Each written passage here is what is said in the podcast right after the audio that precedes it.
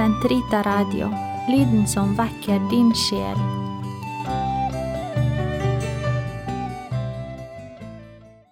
Kroppens teologi, en kommentar til pave Johannes Paul 2.s onsdagskatekeser av Eirik Ambrosius Stenhoff. Totus tuus ego sum, et omnia mea tua sunt, archipio te in mea omnia, prebe mi cor tum Maria.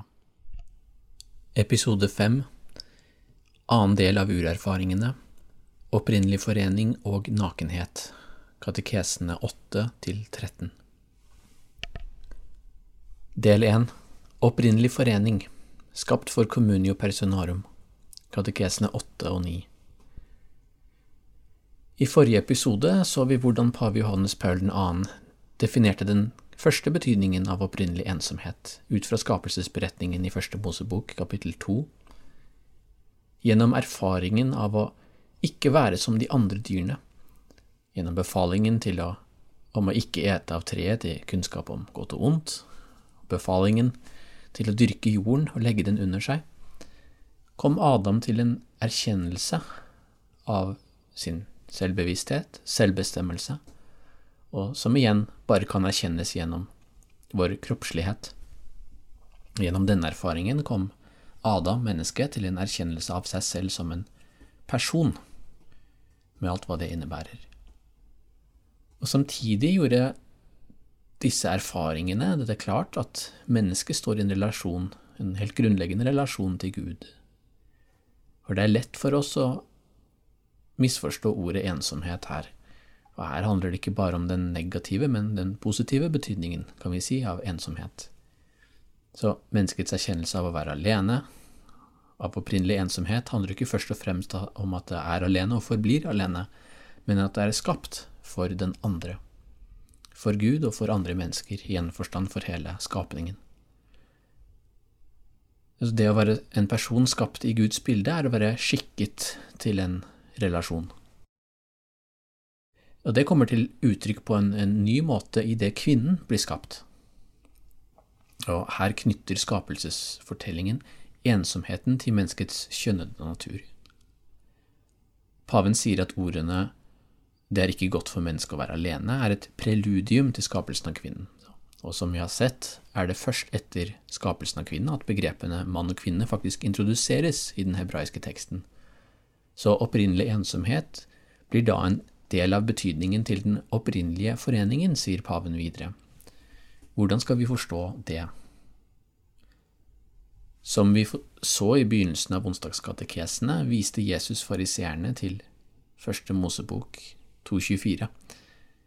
Mannen skal forlate sin far og sin mor og holde fast ved, som på italiensk er unira, forenes med eller bli ett med, sin kvinne, og de to skal være én kropp.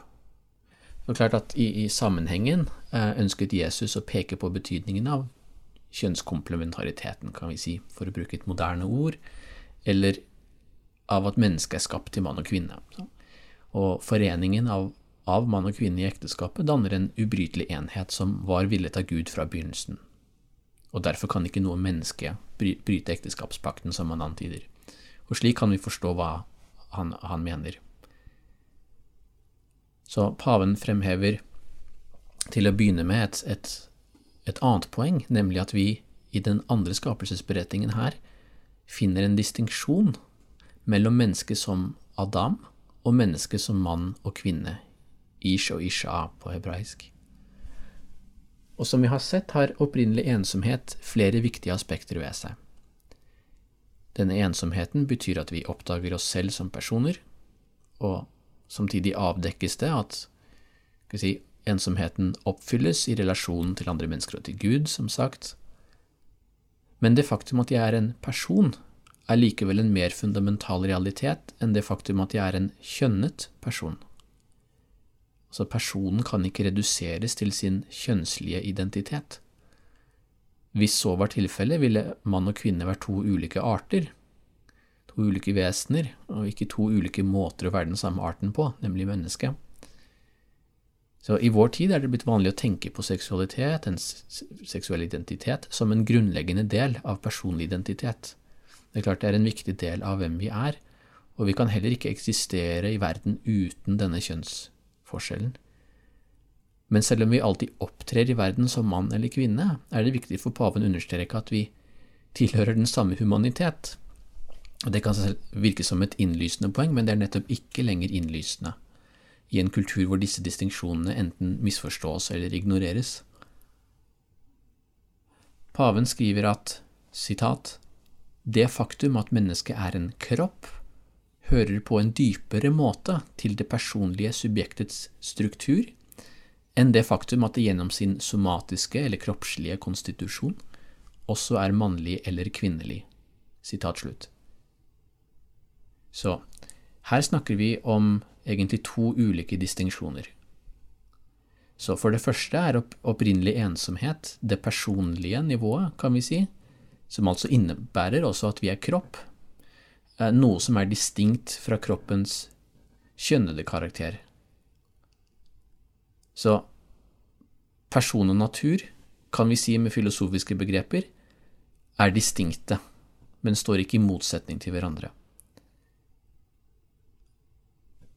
Så for det andre er altså kjønnet heller ikke identisk med kroppen. Ifølge tradisjonen er sjelen forma corporis, kroppens form. Så vi kan altså ikke redusere kjønnet til si, genitaliene eller til noe annet biologisk faktum. Det er snarere knyttet primært til sjelen, og kommer altså til uttrykk gjennom kroppen. Så det er jo i denne forstand at paven mener at mennesket er en kropp før det er en kjønnet kropp, så å si. Når vi snakker om kjønn og kropp i dag, foregår det ofte på den moderne dualismens premisser, også når man i kristne eller såkalt konservative sammenhenger forsøker å forsvare kroppens iboende kjønnethet eller lignende. Man setter den si, subjektive bevisstheten om kjønnet, som har blitt så viktig, opp mot kjønn som en biologisk størrelse som fremstår som noe bastant og noe objektivt. Men mens vår tids konstruktivister eller liberale gjør kjønnet til noe mer enn hva det er, nemlig identisk med personen, står de konservative, hvis forsvarsstrategi utelukkende tar utgangspunkt i biologien, i fare for å gjøre kjønnet til noe mindre enn hva det er. Begge disse tenkemåtene, som egentlig bare er to former for reduksjonisme, er, som vi vel har sett, preget av en mangel på metafysisk tenkning. Paven fortsetter med å vektlegge hvordan foreningen mellom Adam og Eva faktisk finner sted innenfor teksten. Gud lot en søvn komme over mannen, og formet altså kvinnen av mannens ribben mens han, mens han sov. Ved hjelp av dette mytiske språket forteller den bibelske forfatteren oss noe vesentlig. Mennesket faller i søvn nettopp som menneske, kommenterer paven, og våkner opp igjen som mann og kvinne. Denne søvnen, på hebraisk tardema, finner i Bibelen sted sånn, når det skal skje noe helt vesentlig og ekstraordinært. Paven kaller, uh, i forbindelse med skapelsen av kvinnen, um, han kaller det en vending tilbake til ikke-væren, til øyeblikket før skapelsen. Så mennesket faller tilbake til intet, så å si, i denne søvnen, før det kan gjenoppstå som mann og kvinne. Men som sagt tidligere, det betyr likevel ikke at mennesket gjenoppstår som to ulike arter eller vesener. Mannen og kvinnen er skapt som ulike former, kan vi si, av samme art, menneske. Her er det viktig å tenke over det faktum at kvinnen skapes av Adams ribben, slik at mannen etterpå kan utbryte nå er det ben av mine ben og kjøtt av mitt kjøtt. Hun skal kalles kvinne, Isha, for av mannen Ish er hun tatt. Kvinnen ble altså ikke skapt uavhengig av mannen, og så deretter introdusert for ham. Så kvinnen er altså skapt på bakgrunn av den samme menneskelighet, konkret uttrykt eh, ved dette ribbenet. Paven kaller dette for somatisk eller kroppslig homogenitet, altså kroppslig homogenitet, likeartethet, og det blir selve basisen for kjønnsforskjellen. Mannen oppdager denne kroppslige likheten etter at han kommer ut av søvnen, ikke bare forskjellen, men likheten. Og dermed kan han endelig glede seg, den likeverdige hjelperen han hadde vært på leting etter, er endelig kommet. Så denne refleksjonen betyr jo på ingen måte at seksualitet er noe uviktig. Tvert imot. Og igjen må vi tenke over hva det vil si for mennesket å være alene. Det betyr dypest sett at det er konstituert, det er skapt for det motsatte, for det paven kaller communio personarum, et fellesskap av personer. Det finnes med andre ord en grunnleggende åpenhet i mennesket for den andre. Og denne communio er ikke bare et fellesskap av mennesker som har bestemt seg for å komme sammen. Og vi tenker ofte på samfunn mellom mennesker ut fra liberale begreper, som basert på en kontraktsinngåelse eller en slags konsensus mellom likeverdige parter.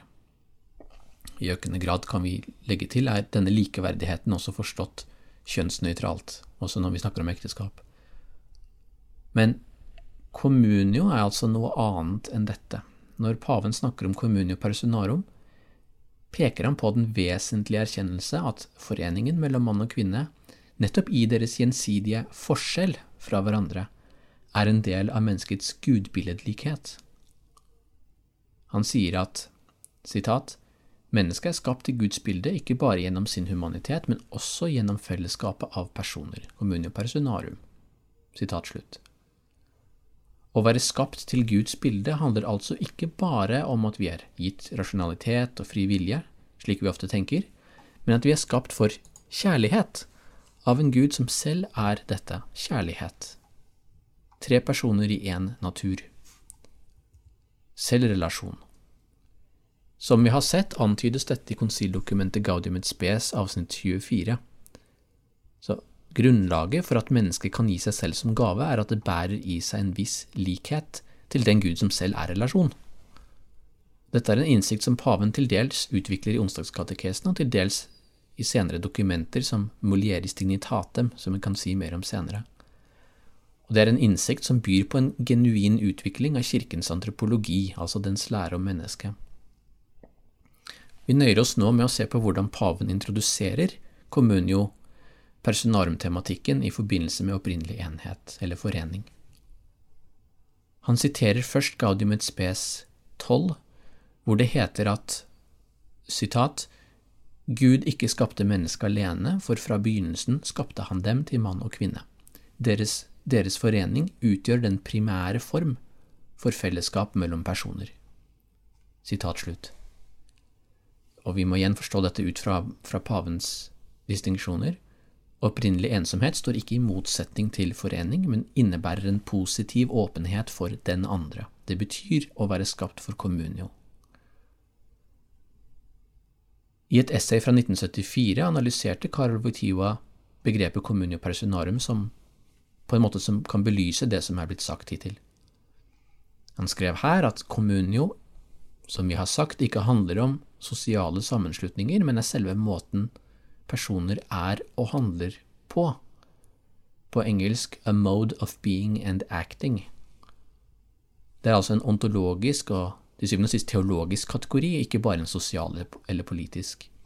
Bare gjennom en autentisk communio kan personer bekrefte hverandre som personer.